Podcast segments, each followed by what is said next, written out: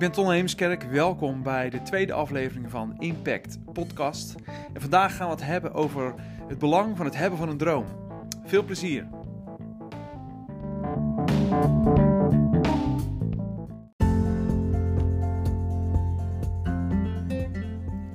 Deze podcast eh, ben ik uh, gaan starten omdat ik geloof dat ieder mens gewoon geboren is en gemaakt is om een impact te maken. Of dat nou klein is of groot, dat maakt mij niet uit. Maar ieder mens uh, doet het toe, is uniek en heeft een geweldige creativiteit ontvangen. Uh, en daar mag je ook wat mee doen in je leven. Dus geniet van deze aflevering. Het gaat over het hebben van een droom. And remember, you are destined to impact. Vandaag ga ik het met jullie hebben over het belang van een droom. Ja, dromen. We dromen allemaal. Uh, het is eigenlijk een stuk visie. als ik het heb over een droom, dan uh, kun je er ook eigenlijk voor in de plaats zetten. Visie. Kijk, je kent het wel, hè? Een business meeting, uh, waarin een visieverklaring gemaakt moet worden voor een bedrijf bijvoorbeeld. En ja, misschien heb je daar ook wel eens mee te maken gehad, hè? Oeverloze sessies, missie, visie, statements. En hoe belangrijk dat uh, wel niet zou moeten zijn. Nou, ik geloof dat dat ook echt belangrijk is. En uh, nou, vandaag gaan we daar gewoon iets meer over ontdekken. Over het belang van dromen. Zoals ik al zei, als ik het heb over dromen, dan heb ik het er ook uh, over visie. En dat is echt al essentieel om toch in je leven te hebben. En ik hoop dat je ook visie hebt. Visie om dingen te ondernemen, om datgene te doen waarvoor je iedere dag ook je bed uitkomt.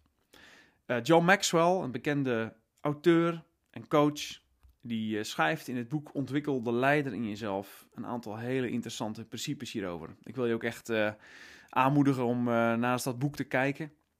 Als je nog meer geïnspireerd wil raken over het onderwerp dromen en visie. En ik zal eens een voorbeeld geven hoe belangrijk nou visie is. En er staat dus in dat boek een verhaal van een directeur van een school. En die ging dus in gesprek met een bisschop. Eigenlijk meer een discussie. En de, directeur van de school was ervan overtuigd dat de mensheid binnen 50 jaar zou gaan vliegen. die schooldirecteur zou je kunnen zeggen, die had een visie. Die had een soort droom dat dat zou kunnen. En uh, deze bisschop, die was daar niet zo ja, van geamuseerd. En ze kregen dus een ja, discussie over de ontwikkelingen in de wereld op dat moment. En de bisschop die schetste eigenlijk dat uh, een soort bijbelse eindtijd spoedig zou beginnen. En dat het dus bijna klaar zou zijn met de wereld. Ja, dat is natuurlijk wel eens een hele andere visie dan die directeur had. Dus nou, ze zaten met elkaar in gesprek, was een discussie, ze kwamen er niet uit. En eigenlijk kwam het erop neer dat die bisschop gewoon niet geloofde dat uh, de ontwikkelingen verder zouden gaan en dat mensen niet zouden gaan vliegen. Daar had die bisschop geen geloof voor, geen droom voor. Nou wil je natuurlijk weten uh, wie die bisschop is. Dat wilde ik ook weten. Die bisschop heette Wright. En je raadt het al, hij had twee jongens thuis zitten. Die zouden gaan laten zien dat zij meer visie hadden dan, dan hun vader. Ja, is dat niet geweldig? Want die twee broers, die zouden er uiteindelijk voor gaan zorgen dat zij als eerste de lucht in zouden gaan. Hoe ironisch dit verhaal. Prachtig voorbeeld van het hebben van visie. Een ander voorbeeld is denk ik uh, van Walt Disney.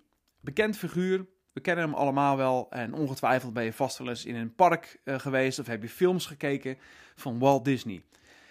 Nou, dat hebben we allemaal gedaan, ik ook. Uh, en dat komt toch allemaal door één man, omdat hij een visie had, een droom. Een geweldige droom. En bij de opening van het eerste Disney, Disney park, uh, daar sprak zijn vrouw ook. En de man die haar aankondigde, die zei, ja, had Walt dit maar kunnen zien. En toen stond zijn vrouw op, pakte de microfoon en die zei, dat heeft hij gezien. En daarbij ging ze weer zitten.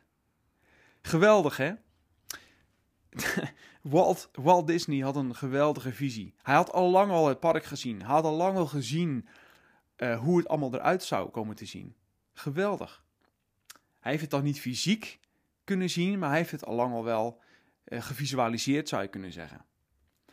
Prachtig. Deze mensen hebben de toon gezet, waar we vandaag de dag nog steeds de vruchten van plukken, waar we heel veel plezier van hebben. Ik geloof dat visie ook een, gewoon een, een, een, ja, een potentieel cadeau is, wat we hebben gekregen van God. Dat is echt waar ik in geloof. Ieder mens heeft een potentieel cadeau gekregen om een stukje visie hier op aarde ook te laten zien, wat er in jou leeft, jouw dromen. En ik geloof dat ook dat het Gods dromen zijn, Gods hart is. En uh, zoals ik al zei, ja, je hebt, je hebt gewoon een potentieel cadeau gekregen van God. En wat jij aan God kan teruggeven, is eigenlijk wat je met je potentieel ook uh, doet. De Bijbel zegt daarover dat het een soort rentmeesterschap is. Hè? Misschien wel was uh, van gehoord van dat woord, rentmeesterschap. Maar wat doe jij met jouw gegeven cadeau? Wat doe ik met mijn gegeven cadeau? Het is fantastisch om iets met visie te doen.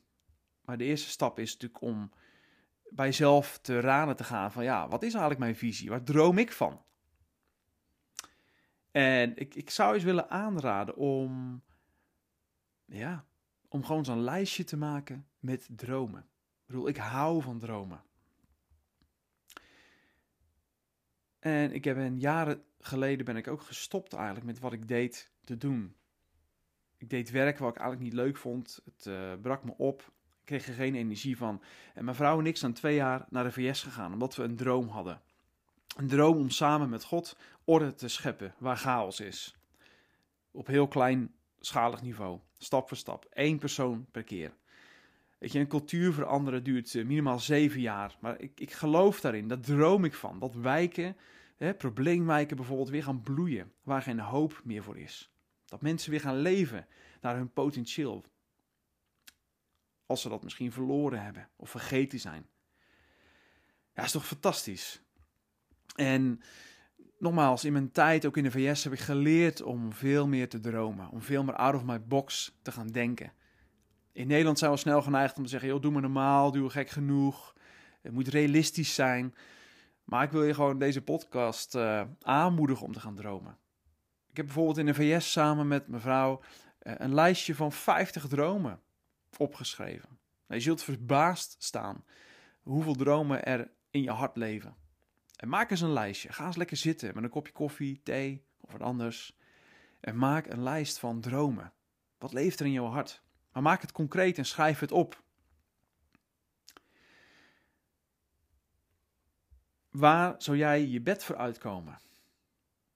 Stel je nou eens voor dat je alle middelen in de wereld tot je beschikking zou hebben.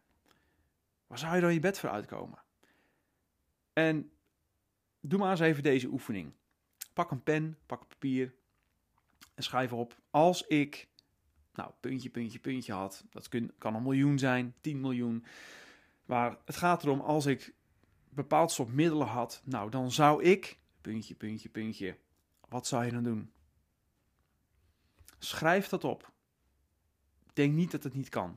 Ik heb uh, het lijstje eens teruggekeken en er zijn al heel wat dromen uitgekomen in de loop der jaren. Fantastisch. En je zal dus uh, echt versteld staan hoeveel kleine en grote dromen hier naar voren gaan komen in zo'n lijst. Nou, in episode 4 ga ik met jullie uh, het hebben over hoe je die, ja, die dromen in kleine stappen concreet kan maken. Dus uh, dat was een kleine teaser daarvoor. Belangrijk om je dromen dus op te schrijven. Nou, ik wil ook nog aan je meegeven dat je echt selectief moet zijn aan wie je dromen deelt. Heel belangrijk. Niet iedereen zit te wachten op jouw droom of dromen. En niet iedereen hoopt dat je uh, zal slagen. Ja, dat is nou eenmaal zo in het leven. Wees dus wijs met wie je dromen deelt. Het is wel belangrijk dat je aangemoedigd wordt in je dromen.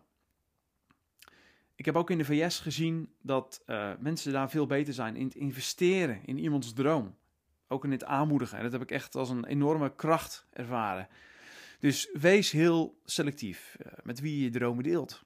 Schrijf dat ook eens op op een lijstje. Met wie zou jij je dromen willen delen? Wat zijn de mensen in jouw omgeving waarvan je weet dat die jou zullen aanmoedigen? Dat die je zullen ondersteunen en misschien zelfs in jou willen investeren, zodat je dromen werkelijkheid gaan worden.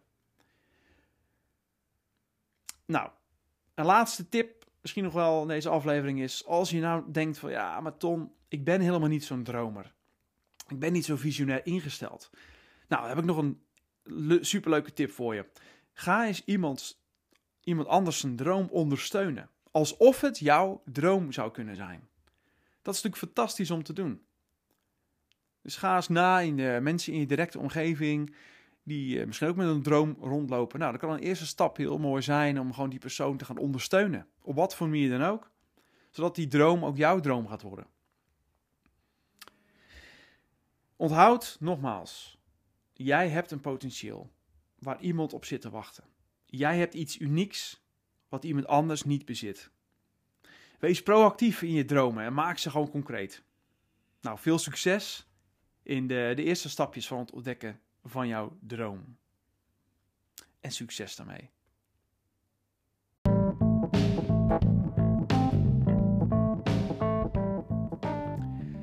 Dit was weer een uh, podcast van Impact. Super bedankt voor het luisteren. Uh, ik ben heel benieuwd uh, wat je ervan geleerd hebt. Misschien heb je nieuwe inzichten gekregen. Laat het me gerust weten. En ik zou zeggen tot de volgende keer. Abonneer je op mijn podcast als je dat nog niet hebt gedaan. En remember, you are destined to impact.